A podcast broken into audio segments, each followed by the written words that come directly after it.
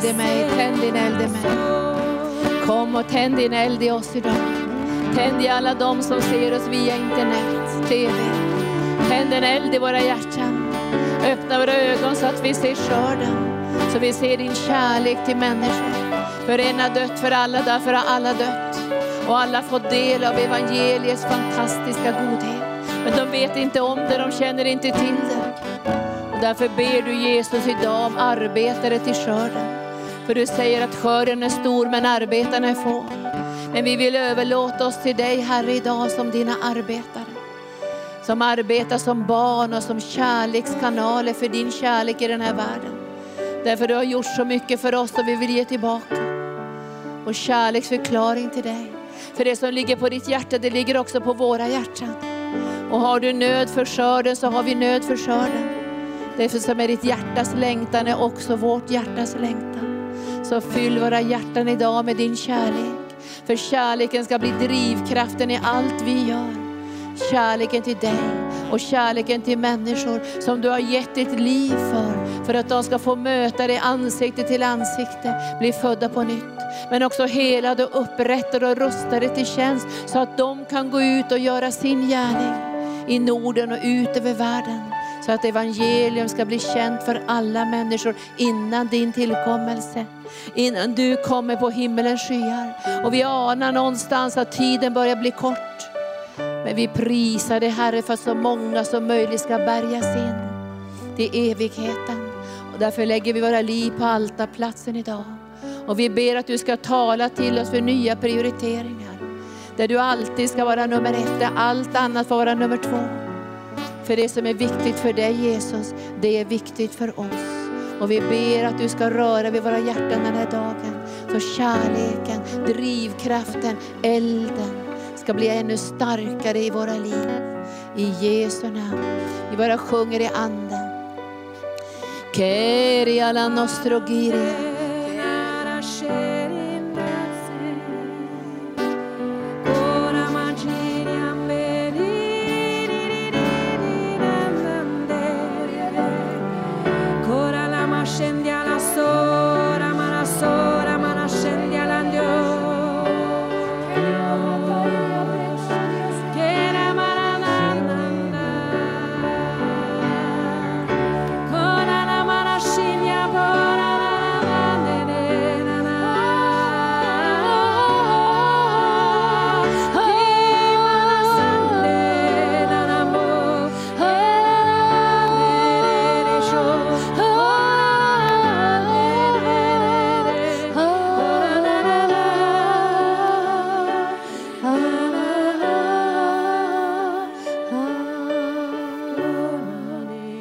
Känner ni Guds kärlek nu?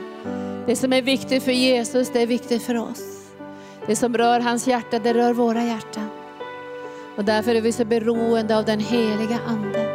Vi vill inte bara ha en massa människokunskap, vi vill ha ett möte med dig i varenda möte som vi har här på arken. Vill vi ha ett möte med dig Jesus. Och vi förväntar oss att du i varje möte ska beröra oss. Om vi behöver helande så helar du oss. Och vi behöver upprättelse, förnyelse, ledning, kraft, allt vad vi behöver. Så kan vi komma till dig den här dagen. Vi kommer inte till en stum Gud. Vi kommer till dig vår Fader i himlen. Och du har sagt om vi ber någonting efter din vilja så hör du oss. Och vi har det vi har bett om innan vi har sett det. Så kom heliga Ande och verka idag. I Jesu namn. Amen. Halleluja, visst har vi förväntan idag. Idag så ska Gud göra många saker i våra liv, men det är en viss sak som han kommer att göra, det är att han kommer att bota andlig sterilitet. Så att vi ska kunna bli väldigt fruktbärande.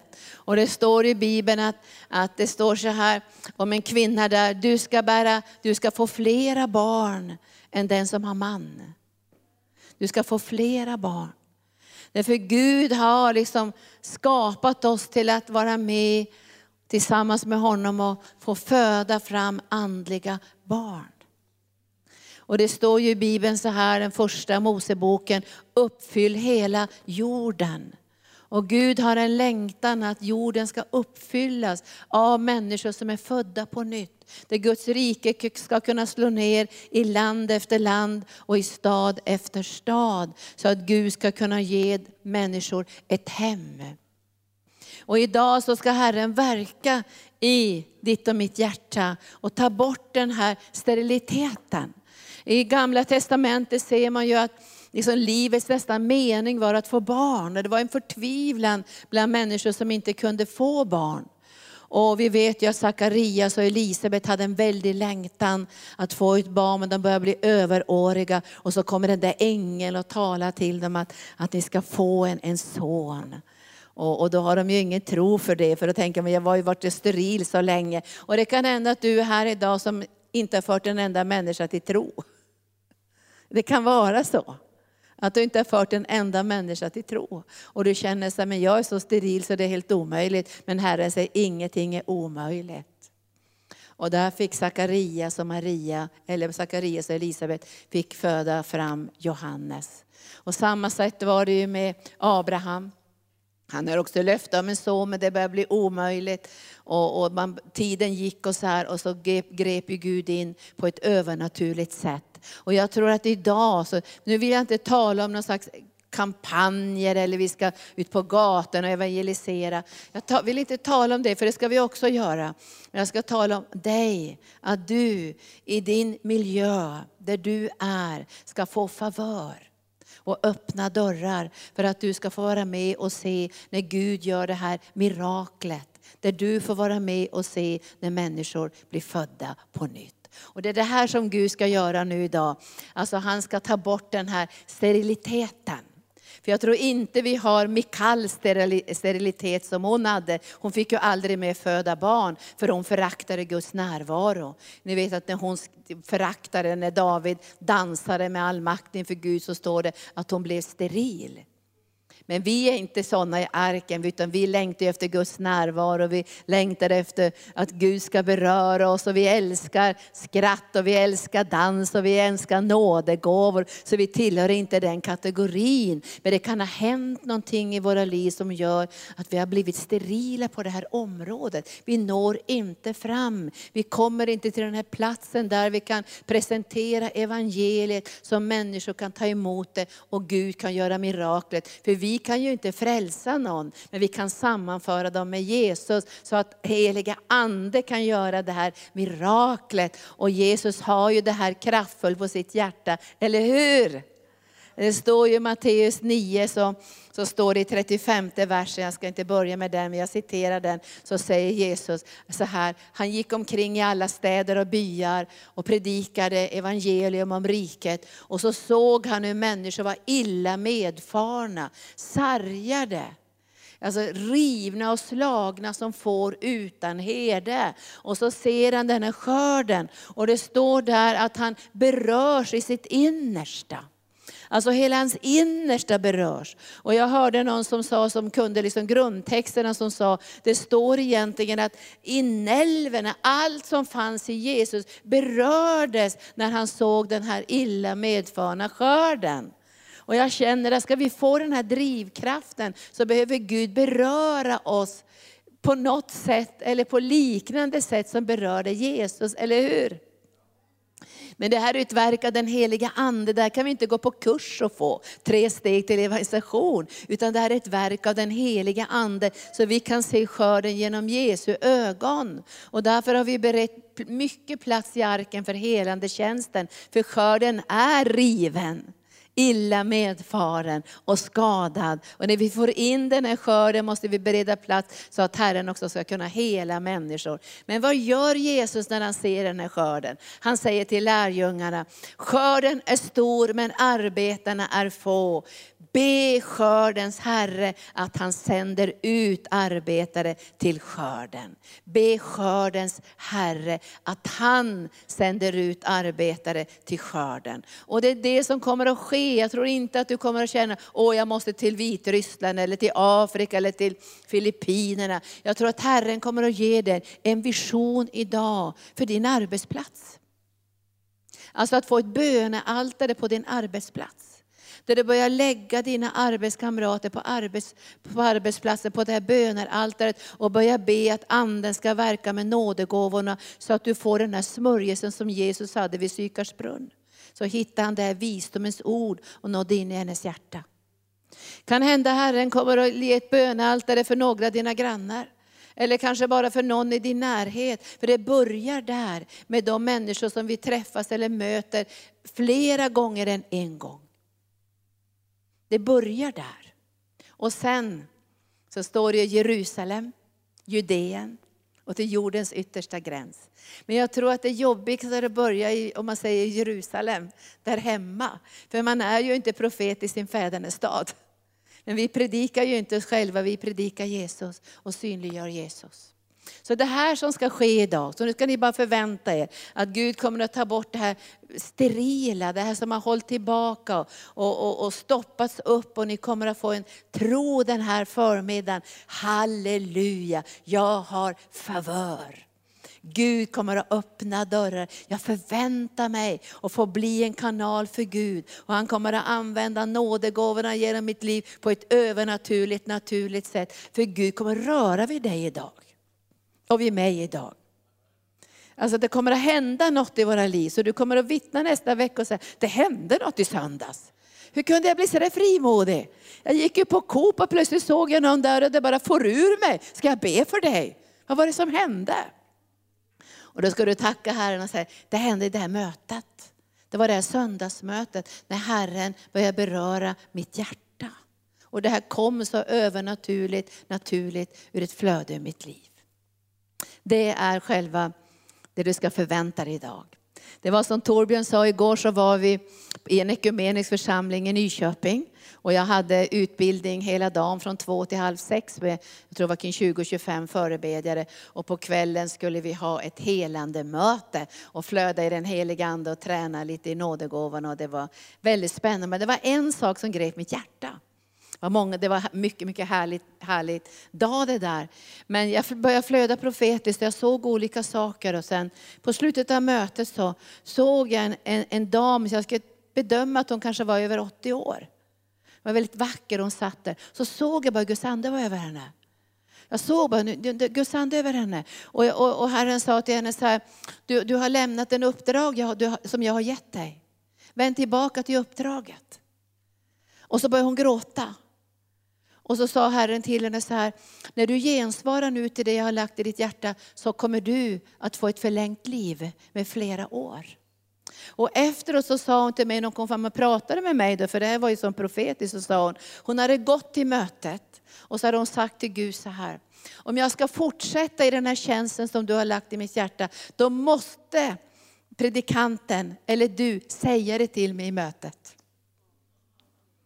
Visst var det starkt det här? Det fanns en längtan, Gud du måste säga det här. Och det var precis på slutet när jag såg hur Guds ande var över henne. Och jag tror att just de här mötesplatserna, när människor har ställt frågor, kanske inte ens till Gud, men de har ställt frågor, vad, vad kommer att ske i mitt liv och finns det inga lösningar på det här? Och jag har självmordstjänster och mitt äktenskap håller på att gå sönder. Och, och de har ropat på något sätt ute i, i eten fast de visste inte att det var till Gud de egentligen ropade. Och så kommer du fylld med den heliga ande. Och så har du ord som precis slår in i den här människans hjärta. Som hjälper honom eller henne att öppna sig för Gud. Tack Jesus. Och nu har vi känt i arken att vi önskar att så många församlingsmedlemmar och bibelskolor som det bara går ska få möjlighet att få berätta om vad Gud har gjort i ditt liv. Det är så många infallsvinklar och så många berättelser vi har och vi bara längtar efter att få höra de här vittnesbörden. Så vi kommer att starta något som ett webb-tv-program. Kanske inom två veckor eller något sånt där. Vi tränar redan och har börjat eh, göra de här programmen. Men det kommer att vara så att på torsdagar mellan sju och nio så kommer det vara en telefonsluss. Så människor kommer att få ringa in sina behov, ringa in sina böneämnen så vi kommer att svara i telefonen. Och i webb-tv kommer människor då, vi kommer att sända en timme webb-tv på torsdagar då mellan, mellan 19 och 20. Där vi kommer att be för människor direkt. Där vi kommer att betjäna dem under den heliga Ande och där vi kommer att ge vittnesbörd och därför så önskar vi att nu inom en månad, du som känner att du vill göra det här inom en månad, att du skriver till infosnabelarken.org eller att du pratar med Violetta Grape, du vinkar här.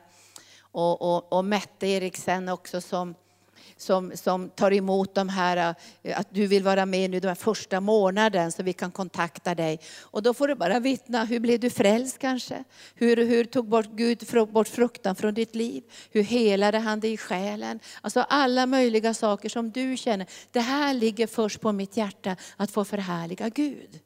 Och det ska du få dela. Och en del av er kommer direkt i studien på torsdag på eftermiddag. Andra kommer vi att spela in vid andra tider om inte du kan komma på torsdag eftermiddag när vi sitter i studion.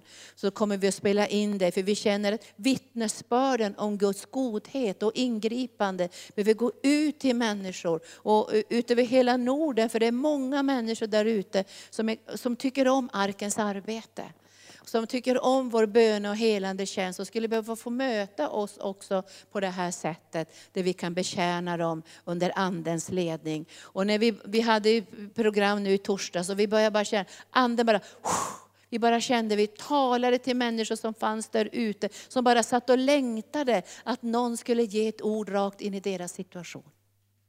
Tack Jesus. Och det här kommer ske på många olika sätt. Så nu förväntar ni er va?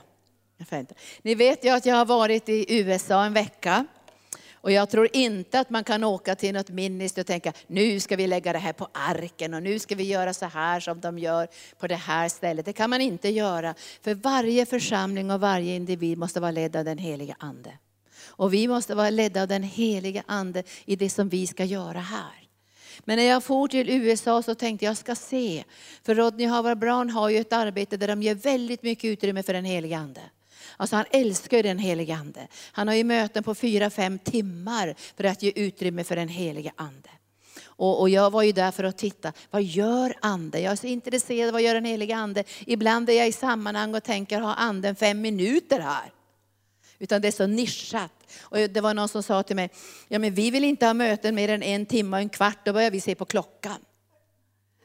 Alltså man, man, ork, man, vill, man har inte tid att vänta in Gud. Men det som gjorde mig lite så här, vill titta, hur väntar de in Gud? Och jag berättade ju för er att ibland tog det en två, tre timmar innan det började hända något i mötet. Alltså de väntar in Gud. Och på söndagsmötet så tänkte jag, hur i all världen får de de frälsta, ofrälsta orka vara kvar i tre timmar innan de får komma fram på förbön? Men jag berättade ju för er att, att att där de hade ett, ungefär tre timmar och sånt där på söndagen och de hade olika saker. Och då, då tänkte jag, vad de är ofrälsta eller de som vill bli frälsta eller de som precis bli frälsta, de ska ju snart fram. Men när de väl kom fram, det kanske var 170 personer då som blev frälsta i det där söndagsmötet, då var de så mörade. Jag ska, de var så mörade, de var så berörda av Gud, så de bara låg i höga när Guds ande började verka i deras liv. För då hade de fått möta Gud. Och så skakade på insidan. Och jag är intresserad av att se hur administrerar en sån församling smörjelsen? Låter de den bara rinna ut så här? Och vilket underbart möte, nu låter vi det bara rinna ut och nu ser vi om Gud gör någonting nästa vecka. Jag var intresserad av hur administrerar man smörjelsen? Hur bevarar man smörjelsen? Hur ser administrationen ut bakom kulisserna?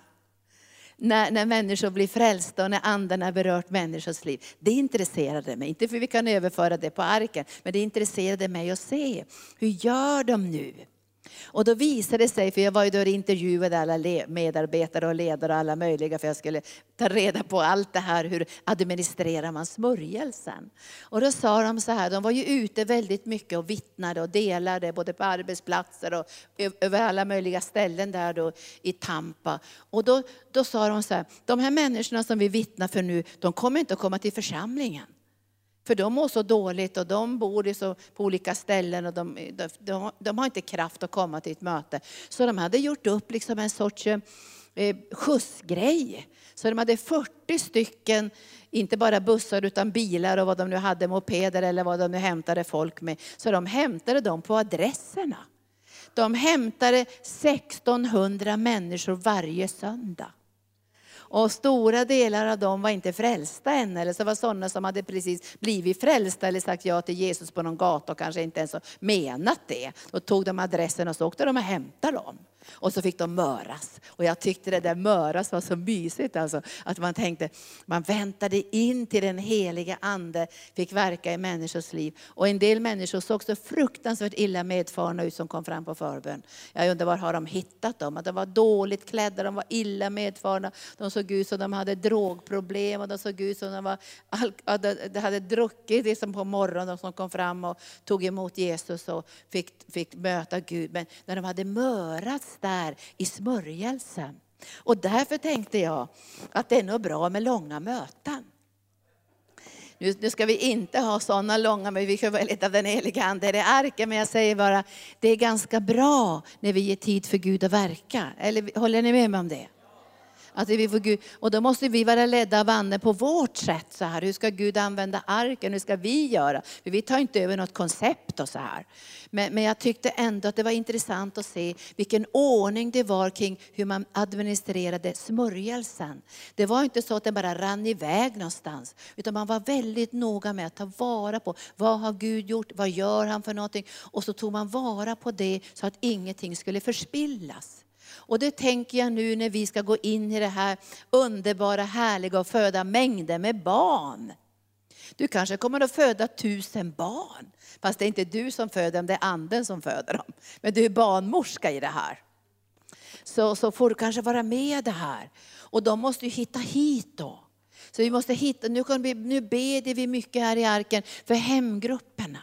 Att få hemgrupper på olika ställen där människor kan börja få det här hemmet, det blir lättare att komma in. Och sen hur man kan ta dem till församlingen och hitta den här vägen. Det ber vi mycket över nu. För vi tror inte vi ska föda barn på gatan och sen ska vi lämna dem där. Eller att vi säger, ja tio blev frälsta, men var är de någonstans? Och då frågar jag ibland, så här, tog ni mejladresserna, tog ni telefonnumren, vet ni var de bor någonstans så vi kan hämta dem? Alltså det finns en liksom administrativt tänkande i en uppföljning. Säger ni det här? För ibland blir det lite för flummigt så här att man är någonstans där och så vittnar man och så blev det ingenting mer. Men Gud har en plan. Och det kanske var det, var det som imponerade mig lite grann. Jag har ju sett ibland väckelser som går över efter tre månader eller efter ett halvår. Därför man tar inte vara på smörjelsen. Det kommer liksom en våg av vatten och sen försvinner det. Så när jag var i Rwanda där för många år sedan så tänkte jag, det här är inte bra. Att när det regnar så rinner vattnet bort.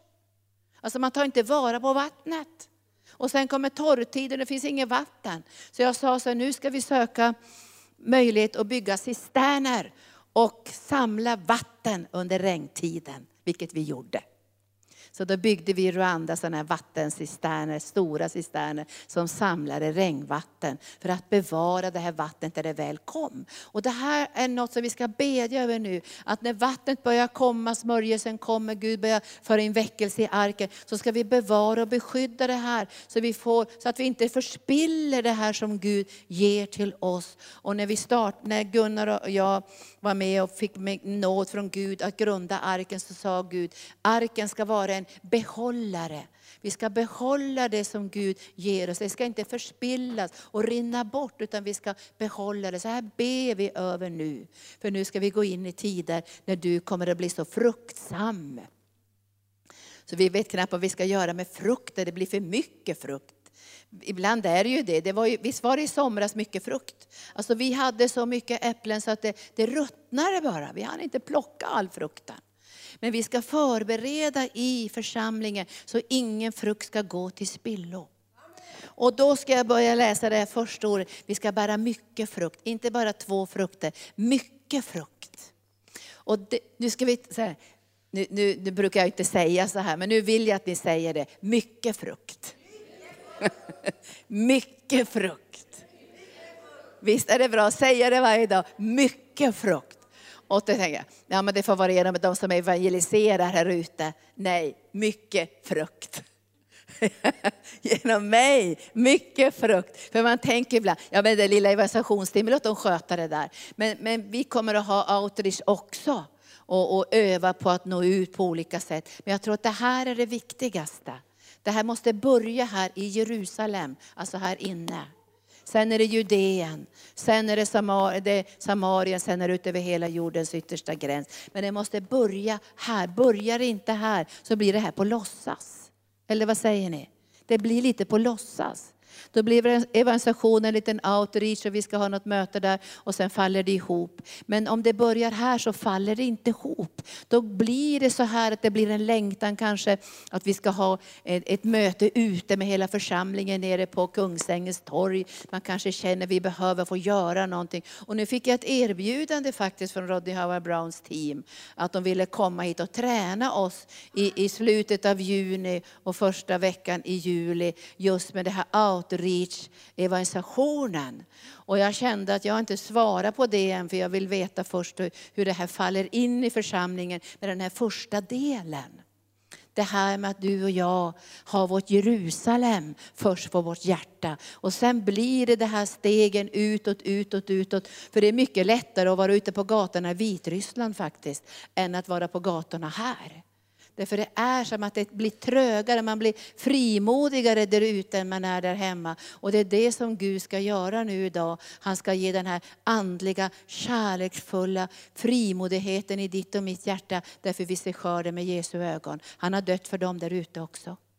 Han har dött för dina arbetskamrater, han har dött för dina skolkamrater, han har dött för dem och så vill han sända dig som sin fantastiska kanal och ambassadör. Vi ska bära mycket frukt. Johannes evangelium kapitel 15, tack Jesus, där han säger i fjärde versen. Förbliv i mig så förblir jag i er. Liksom grenen inte kan bära frukt av sig själv om den inte förblir i vinstocken, så kan heller inte ni det om ni inte förblir i mig. Tack gode Gud för att devastation inte är tre punkter eller skjuta från höften. Eller man får gå på en kurs och så blir man duktig. Man kan gå på en kurs också och bli duktig. Men det måste börja här inne i relationen med Jesus för att se skörden med hans ögon, för att se människor genom hans ögon. Det måste börja där. Sen kan vi få verktyg, men det måste börja här, eller hur? Och det är det som Gud ska göra idag. Och han börjar en process idag. Du kommer inte hoppa rakt upp två meter, wow jag är så frimodig. Men det börjar någonting idag, en längtan. Jag vill inte bara bära ett äpple. Han hugger ner ett träd som bär ett äpple. Utan man, man förväntar sig en skörd. Jag tror ingen bonde skulle eh, tänka så här, ja men man får väl vara nöjd om det blir ett korn som blir någonting av. Då, då, då lägger man det i träda. Man håller inte på liksom att jobba med en, en, en åker som inte bär någon, någon frukt, om inte man har en plan. Hur röjer vi, hur vattnar vi, hur, hur gödslar vi för att det här ska bli någon frukt. Därför är det onaturligt att inte bära frukt. Och då säger han så här, men om ni förblir i mig och jag förblir i er. Liksom, och så säger han, liksom grenen inte kan bära frukt av sig själv om den inte förblir i vinträdet, så kan inte heller ni om ni inte förblir i mig. Jag är vinstocken, ni är grenarna. Om någon förblir i mig och jag i honom, så bär han rik frukt. Utan mig kan ni ingenting göra. Och nu förväntar vi oss rik frukt, eller hur? Vi har en förväntan nu, rik frukt. Vi förväntar oss det, för han säger ju så. Om någon förblir, ja det ska jag inte läsa, bli så deppat här. Nu läser jag nionde versen. Nej, jag tror jag läser sjunde versen. Om ni förblir i mig och mina ord förblir i mig, i er, så be om vad ni vill så ska ni få det. Min far förhärligas när ni bär rik frukt och blir mina lärjungar. Alltså min far förhärligas när ni bär rik frukt och blir mina lärjungar. Och Jesus var ju en människofiskare. Och han vill göra dig och mig till människofiskare. Och han har en sån plan och sådana drömmar att vi ska få så mycket fisk så det ryms inte i båten. Att vi inte får upp näten. Det är den visionen Gud har. Och därför får vi inte tänka nätt och jämnt eller lätt och lagom, eller får räcka med ett äpple. Utan vi ska tänka rik frukt. För vi vill att Gud ska få bli förhärligad. För vi är Jesu lärjungar med stora underbara visioner för ditt och mitt liv. Och när åren går kan man tappa det där, man tappar det. Och vi ska inte fördöma oss själva om vi har tappat det. För det är Gud som väcker någonting till liv. Och idag ska han väcka det här till liv i våra hjärtan. Vi ska bara känna. Och vi ser skörden genom Guds ögon.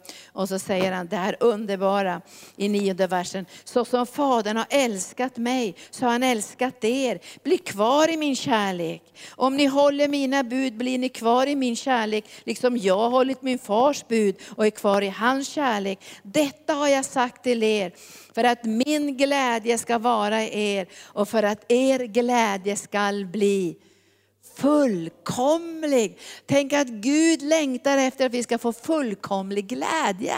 Tänk att få föra kanske flera hundra till tro här i Kungsängen. Och jag mötte en kvinna i, i Amerika som kom från, från ett nordiskt land, som berättade för mig att hon var eh, sjuksköterska på på palliativ avdelning. Jag kanske har berättat det, men det grep mitt hjärta att hon jobbade på nätterna med döende människor och hon fick föra hundratals människor till tro i de sista minuterna krama deras hand, säga ta emot Jesus som frälsare. En del låg i, i koma och hon sa, om du hör min röst nu, krama min hand. Och så kramade de hennes hand och så sa hon, Jesus, ta emot Jesus nu. Och så fick hon föra hundratals människor till Jesus. Och så säger man så här, ja men du får inte säga ett enda ord om Jesus. Vem bestämmer det? Ja men det är ju en bra fråga. Vem är din arbetsgivare? Högsta arbetsgivaren. Jag tror inte vi ska ta tid på våra arbetsplatser och strunta i vårt arbete och börja vittna överallt när vi, när vi ska jobba. Men det finns pauser, kaffepaus, det finns middagspaus. Det finns möjligheter för dig att ta dina arbetskamrater till McDonalds efteråt och ha en mini-alfa-kurs där. Där du kan berätta om din tro och det finns, du ska få en sån kreativitet idag. Det ska väckas en sån längtan. Och du kommer bli så kreativ och tänka, jag, jag har för många idéer, jag har för många idéer. Bara kommer att växa på insidan. För att Gud vill att din glädje ska bli fullkomlig. Och hans glädje blir fullkomlig när han inte har dött förgäves för människor och gett sitt blod för människors frälsning och så går de evigt förlorade. Så jag tror det här finns en glädje i Guds hjärta. Och så säger Jesus i Johannes 4, jag ska ta, läsa det också, citera det. Så säger, när lärjungarna kommer tillbaka och hade hämtat mat åt Jesus, så säger han, min mat är att göra hans vilja som har sänt mig. Och det säger han i 4 och eh, 31 och framåt där. Min mat är att göra hans vilja som har sänt mig och att fullborda hans verk. Vad fullbordar egentligen Jesus? Man tänker ju inte alltid på den där texten. Han ska fullborda Guds verk. Han ska bereda frälsning för alla människor ut över hela jorden. Det är det fullbordade verket. Han ska fullborda läkedom för alla människor ut över hela jorden. Han ska ge upprättelse och frihet till alla människor ut över hela jorden. Men hur ska det gå till då? Ska han sända Gabriel till alla? Eller hur ska han göra? Jag tror att Gud vill använda dig och mig utan stress och utan press. För vi kan inte frälsa hela världen. Det har Jesus redan gjort. Men du och jag måste få bli kanaler där vi är ställda. Och jag tror det Gud ställer oss är det bästa fiskevattnet. Tror ni inte det? Och därför måste du tänka nu så här, vad ska du ha för bete? Tänk på ett bete nu. Och när jag frågade då de här i Amerika, men hur gör ni när ni når människor? Så sa de alltid, du måste tänka på ett bete. För det är olika fiskar du ska fiska. Så när de var till exempel i väldigt fattiga områden, sådana här riktigt, riktigt fattiga där människor gick och fick mat i sådana här soppkök. Då kunde, jag frågade, hur gör ni då? Så, så sa de så här, ja men då, då, ibland så tar vi så vi har sådana här eh, lappar som de kan få gå och handla i affären då, sådana presentkort. 200 kronor eller 100 kronor. Eller så har vi någonting som vi ger dem för de just behöver det. Det är vårt bete. Och så delar vi ut lappar, tusen lappar kanske i området. Och så kommer det kanske 500 eller 200 och så säger vi, de 100 första ska få ett presentkort. Och så när de kommer då så kanske de gör någonting för barnen också. Och sen säger de så här, men först måste ni höra evangelium. Och så har de vittnesbörd, människor berättar och, och, så bjuder de in till frälsning, tar alla adresserna, tittar vilka människorna är. Och sen får de de här betet. Och jag kanske du skulle tänka så här, vad har vi för beta? Min pappa var ju fiskare, flugfiskare. Och jag tyckte mest om att fiska liksom i, i, så att säga, mera stillsamma vatten, abborre och sådär. Men det var ju olika bete för olika vatten och olika fiskar. Det här är något vi ska be, tänka på också. Det, det, det, är en viss kategori som vi möter på gatan, men pastor Gunnar sa till mig i morse, han skulle aldrig ha tagit emot evangelium för någon som vittnade på gatan. Och det är inte alla människor som kan ta emot Jesus när man går och vittnar på gatan. Men det kan vara det första man hör någonting om Jesus. Men vi måste hitta olika vägar och olika öppningar för att människor ska kunna ta emot Jesus som sin frälsare. Och det här ska du också se, betet bete, du ska få be, vilket bete ska jag ha nu? För att få den här människan i alla fall inom hörhåll för evangelium. Jag ska inte lura människor. Så när vi var på new age-mässan så frågade jag Gud, vilket bete ska vi ha? Då hade vi en, en glasmonter där och hade, vi hade plockat jättedyra grejer. Det var guldsmycken och vi hade satsat hårt på dyra saker. Och så sa vi till folk som kom förbi där, du, du kan få en, en gratis lott och här är vinsterna. Och de tittade, guldsmycken och fina grejer. Och jag sa så här, att vi kommer att dra de här lotterna i min workshop på den här new age-mässan. Och då hade vi beställt tid för en workshop i en viss tid, så vi fick en liten lokal där. Och de hade ju tagit de här lotterna, så det kom ju 70 stycken till den här workshopen. För de ville ju se vilka priser de hade. Och de kom med sina små lotter. Och då sa jag till dem så här, ja innan vi nu drar de här lotterna så kommer jag berätta om Jesus, sa jag. Och vi kommer att ha vittnesbörd här om vår tro. Men om du inte vill det, då är du, då är du fri att gå härifrån. Och då, då, kan du inte få heller den här lottdragningen. Men du är fri att gå härifrån för du ska inte känna liksom att, att vi tvingar på dig det här. Jag tror det var en som gick. Alla andra stannade kvar och vi fick predika evangelium för dem. Och så fick de alla de här priserna. Och då tänkte man, är det oetiskt att göra så? Nej, jag tror att om vi bara säger hur det är, men vi måste hitta de här betena för att kunna samla folket. Men att vi alltid har evangelium tydligt i det här, men vi möter också på olika sätt olika behov i människors liv. Och jag tror att Herren kommer att ge dig från och med idag en kreativitet. Jesus säger, jag ska fullborda det här verket. Och sen säger han så här, så säger han till lärjungarna, ni säger att det är fyra månader kvar, sen kommer skörden. Vi får inte tänka så någon längre. Det är nästa vecka, nästa månad. Det är nu. Och jag känner att idag ska vi få det här nuet närvarande i vårt sätt att möta människor. För annars kommer det att bli sen, jag vet hur det är. Man är så trög och man är så seg. Så man tänker nästa vecka, nästa månad får bli sen. Men kanske vi kan få någonting idag som heter nu. Så att vi ser de här mötesplatserna, så vi ser vad Gud håller på med precis där du och jag är. För ibland missar man ju det. Och man missar ju också profetiskt ibland. Som, som igår ville jag inte missa när jag var i den här kyrkan, ekumeniska kyrkan. Jag ville, jag ville vara så känslig i anden att jag skulle kunna flöda med Guds ande och ge de här orden som Gud ville till de här människorna också på ett personligt sätt. Och efteråt så sa de, du, du är väldigt profetisk sa de. Du sa ju exakt hur det var i människors liv. Ni hade förberett och jag, jag kände, jag kan inte ge någonting om det inte finns en längtan i den här människan att få höra någonting ifrån Gud. Då kan jag ge det. Och därför behöver vi börja be också för människor i vår närhet, så det blir den här mötesplatsen som något sånär är förberedd. Och känner du då kanske att Gud manar dig till en äldre person att du ska gå och handla. Ja men gör det då. Jag kan gå och handla åt dig. Men, men du, du måste ändå vara ärlig i de här processerna och säga, jag är en kristen. Och jag skulle vilja berätta för dig om det dyrbaraste, dyrbaraste i mitt liv. Men Gud kommer att ge olika idéer och kreativa tankar som blir som beten för att Herren ska kunna fånga människor. Det är svårt att fiska. Det var, någon, det var en som sa till mig igår så här, han älskade att fiska men han fick inte för sin pappa fiska eh, på något ställe därför de kunde inte simma. Men han gick ju emot sin pappa så tänkte då gör jag en krok själv. Så han gjorde en krok av, eh, eh, av något som han hittade hemma då i sylådan. Så att han skulle försöka göra en krok av det, men det funkade inte. Så jag fick ingen fisk. Därför det, hullingen längst fram fanns ju inte där som fångade fisken. Men Jesus säger, ni säger fyra månader innan skörden. Men jag säger er, lyft blicken. Redan nu har fälten vitnat till skörd. Redan nu får den som skördar sin lön. Han samlar in frukt till evigt liv. Så att den som sår den som skördar får glädja sig tillsammans. Här stämmer ordet att den som sår, en sår och en annan skördar. Jag har sänt er att skörda där ni inte har arbetat. Andra har arbetat och ni har gått in i deras arbete.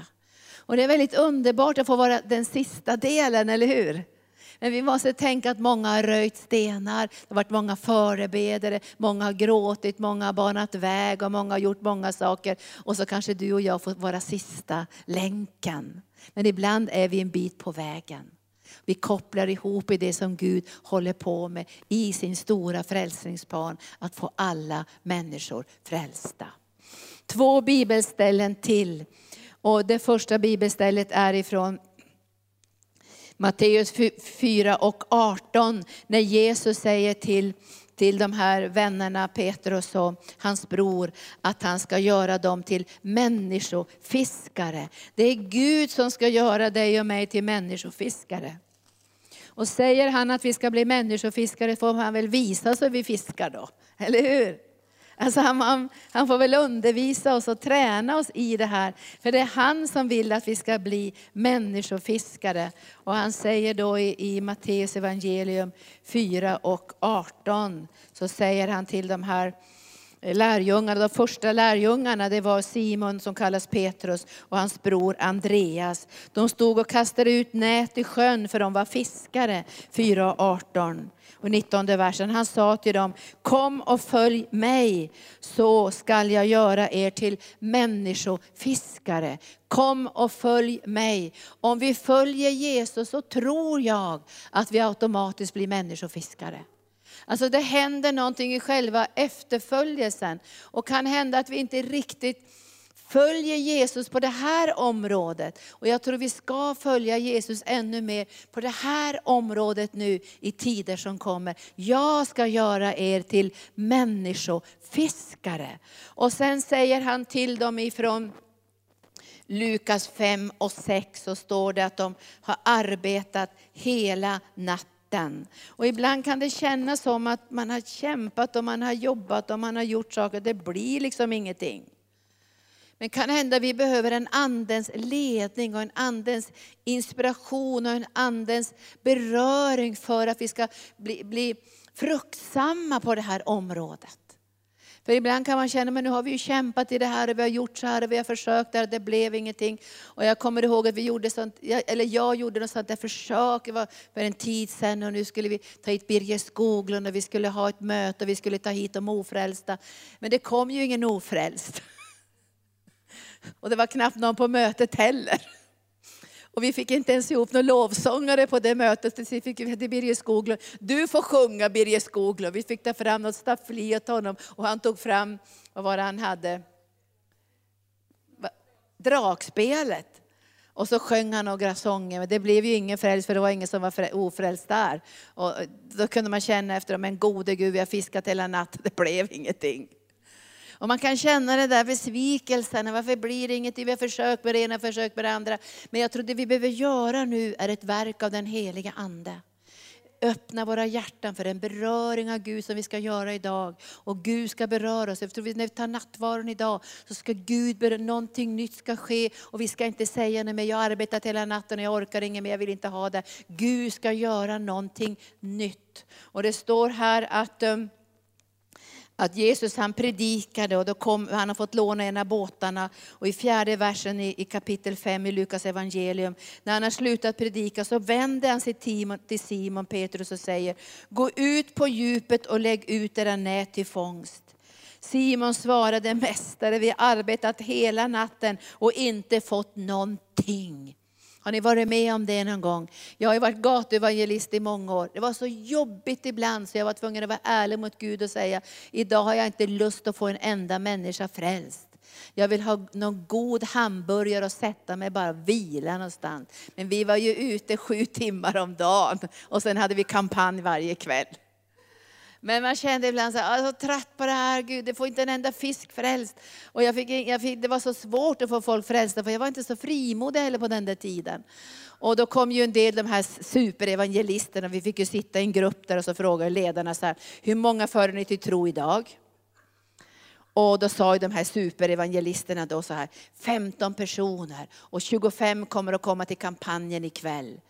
Och så frågade de mig, Linda hur många fick du frälsta? Jag tror jag ljög ibland och sa sju stycken, hitta på liksom. Jag hade i alla fall pratat med sju fast jag hade inte fått dem frälsta. För man kände det var så jobbigt och man var tvungen att prestera det där. Och till sist när jag hade jobbat många år som gatuvän, ärligt talat tyckte jag inte om evangelisationer längre.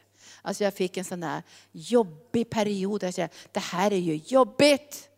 Och de, när jag drog mig undan från evangelisationen så andra var ute på gatorna, man hoppas inte man mötte dem då. För när, man, när de möttes, är du också ute och evangeliserar? Nej, jag tyckte det var jobbigt. Så det var faktiskt eh, eh, minst ett år när jag kände, jag vill inte evangelisera. Och jag kommer ihåg att jag satt på, om det var McDonalds någon gång, och så kom de där ivriga evangelisterna, de alltid var ute och gav sina liv. Och jag hade dragit mig undan lite då. Och så började de pressa mig där vid det här bordet. Ja, hur är det med dig Linda? Nu flödar du nu i anden och för du människor till tro. Och jag kände mig så fördömd. Jag kände mig som fördömd och tänkte så här, det var inget roligt, jag vill inte evangelisera med så här fördömelse. Men det var att det blev för mycket, det blev för pressat och det blev för pålagt på ett sätt, men jag fick nyttig erfarenhet under många år när jag var gatuevangelist. Jag tror att en del kommer att vara gatuevangelister hela livet. Men vi alla ska vara kanaler för Guds kärlek till människor. Och då tänker jag inte en eller två eller tre, jag tänker faktiskt många, många hundra. Att var och en, även om vi inte har evangelistens tjänst, så kommer vi att vara kanaler för flera hundra människors frälsning. För annars blir vi en göl. Alltså vi blir ett, en liten sjö utan utflöde. Och vi blir korvstoppade.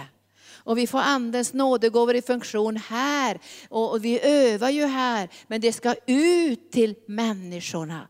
Då blir det ett utflöde och då blir det kul. Och nu säger han så här, nu, nu, nu ska jag gå ner för landning. här. Han säger, vi har arbetat hela natten, jag vet precis vad han pratar om, så jobbigt. Och vi har vikit ihop näten och vi vill inget mer. Vi har vikit ihop näten och vi har tvättat näten, allt är klart. Du Jesus, du är ju förkunnare, vi har hört din förkunnare. Vad vet du om fiske? Jesus vet allt om fiske. Om någon vet någonting om fiske så är det Jesus. Jag möter ju folk som är duktiga på evangelisation, men de kan inte allt. Jesus kan allt. Han kan alla sätt att möta människors behov och få dem frälsta. Så det är han som ska vara vår lärare i första hand. Sen kan vi lära oss av andra också. Men Jesus är duktig på att fiska. Och han säger, men, och så säger Jesus, lägg ut på djupet här, så kommer ni få mycket fisk. Men då säger han, på ditt ord ska jag lägga ut näten. Och jag tror vi behöver det här ordet, den här ledningen från den heliga Ande för att kunna kasta ut det här lilla nätet också. Och vi är ju själva ett nät, eller hur? Vi, vi kastar ju inte bara ut ordet och helande smörjelsen och predikan, utan du är ju också ett nät. Och särskilt kanske bland de människor du kanske möter varje dag, så är du nätet från Gud. Och nu kastade de ut nätet och då står det så här, de gjorde så och de fick så mycket fisk att näten höll på att brista. Då vinkade de åt sina vänner i, de i den andra båten och kom och hjälpa dem. Och de kom och fyllde båda båtarna så de var nära att sjunka. Jesus, nu hör du vad jag vill ha i arken. Vi får gärna sjunka av att ha för mycket fisk. Eller börja sjunka för att har för mycket fisk, men inte av andra skäl. Om ni börjar skrika, här, jag tror vi orkar inte, vi har för mycket fisk. Halleluja. Då, då, det är härligt. Men Petrus, han, när han ser det här, då faller han på sina knän och bara ropar att jag är en syndig människa. Men, men Jesus säger, var inte rädd, från och med nu, säger han, ska du fånga människor. Då drog de upp båtarna, det naturliga på land, för nu var det slut med det, för nu skulle de bli människofiskare och de följde Jesus. Jag avslutar med att säga att när det blir jobbigt i livet, då återvänder vi gärna till de naturliga båtarna. För där har vi trygghet.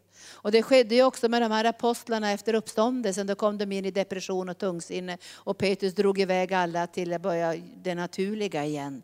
Men då kommer Jesus igen. Och så ser vi också att då är det fisk. Mycket fisk. Så ska jag be en kort bön nu, för nu ska det hända någonting i ditt och mitt hjärta. Det, det kommer att hända någonting nu.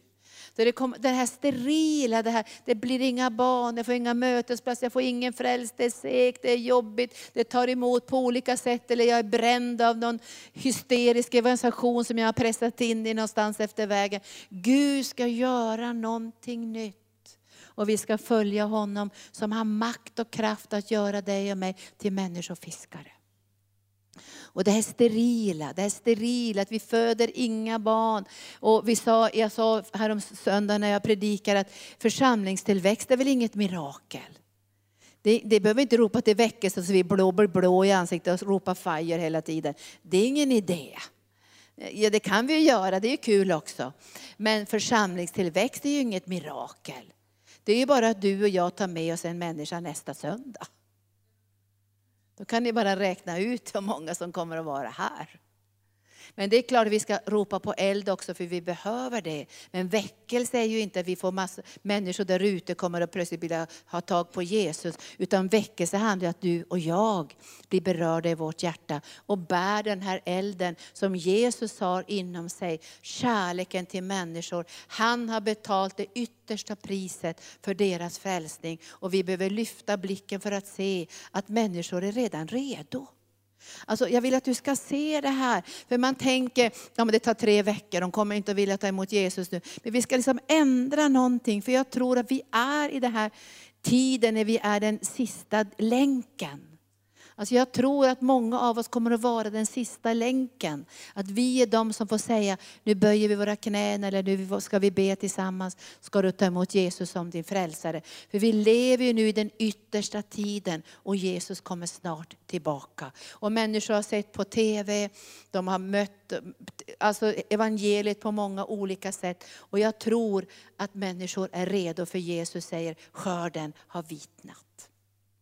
Och jag tror att Herren ska föra dig och mig från och med idag till den vitnande skörden. Att vi ska få de här erfarenheterna, att vi är ledda av den heliga Ande. Så vi kommer till den skörd som är redo att bärgas. Tack Jesus. Jag hörde dig säga Jesus att du skulle göra något idag. Du skulle ta bort steriliteten och det här sterila i våra liv.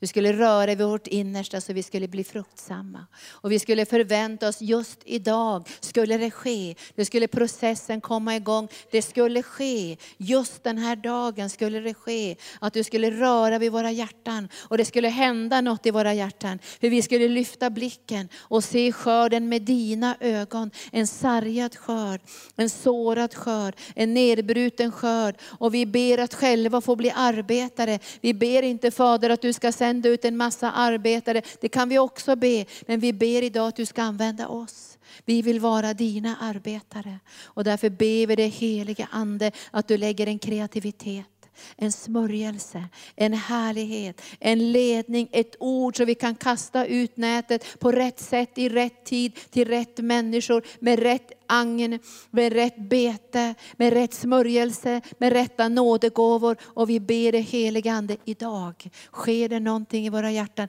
Idag rör du vid oss. Och som Elisabet var steril och Sakarias var steril så hände det någonting och hon blev fruktsam.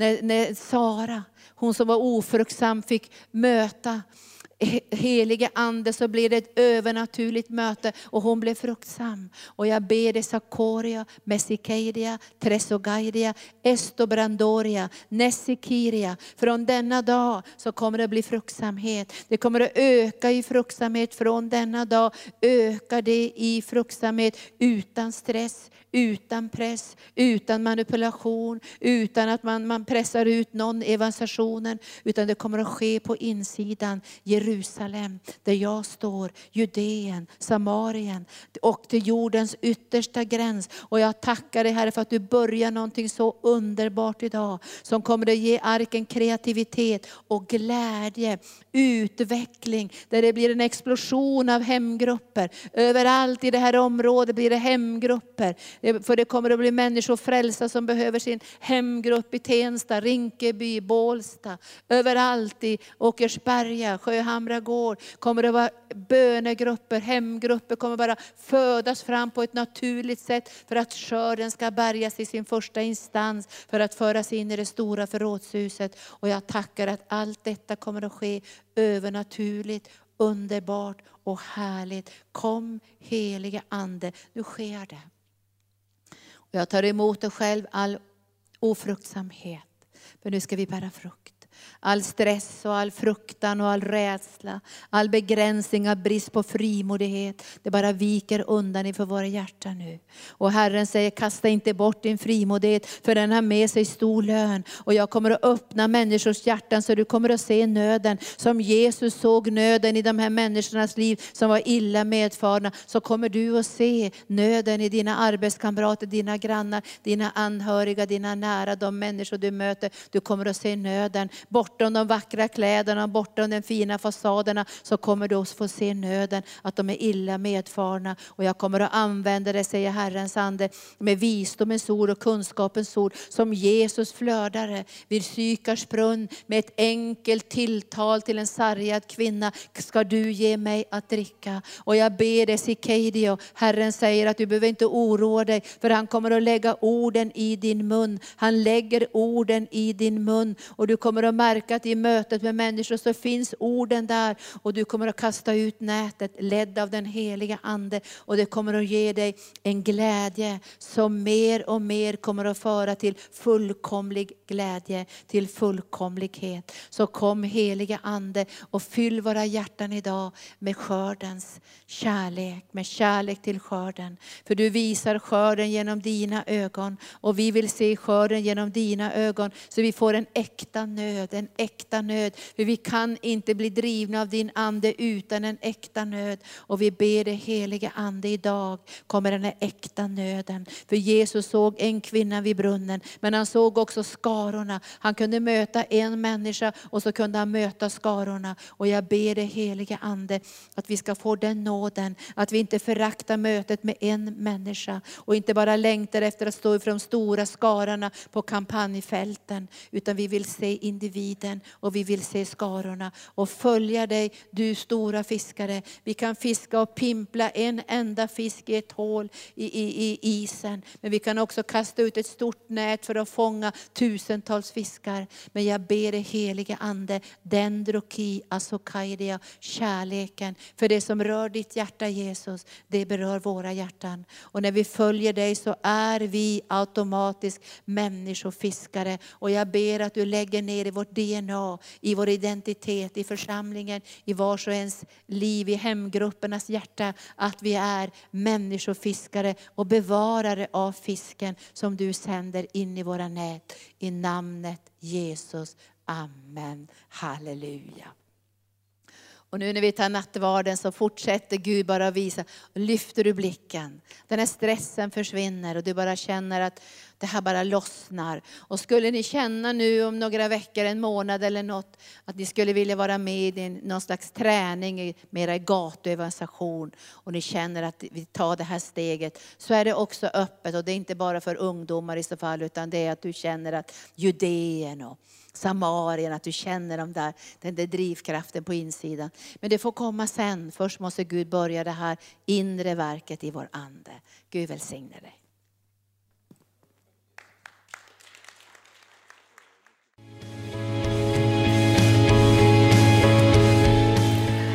För att du har lyssnat.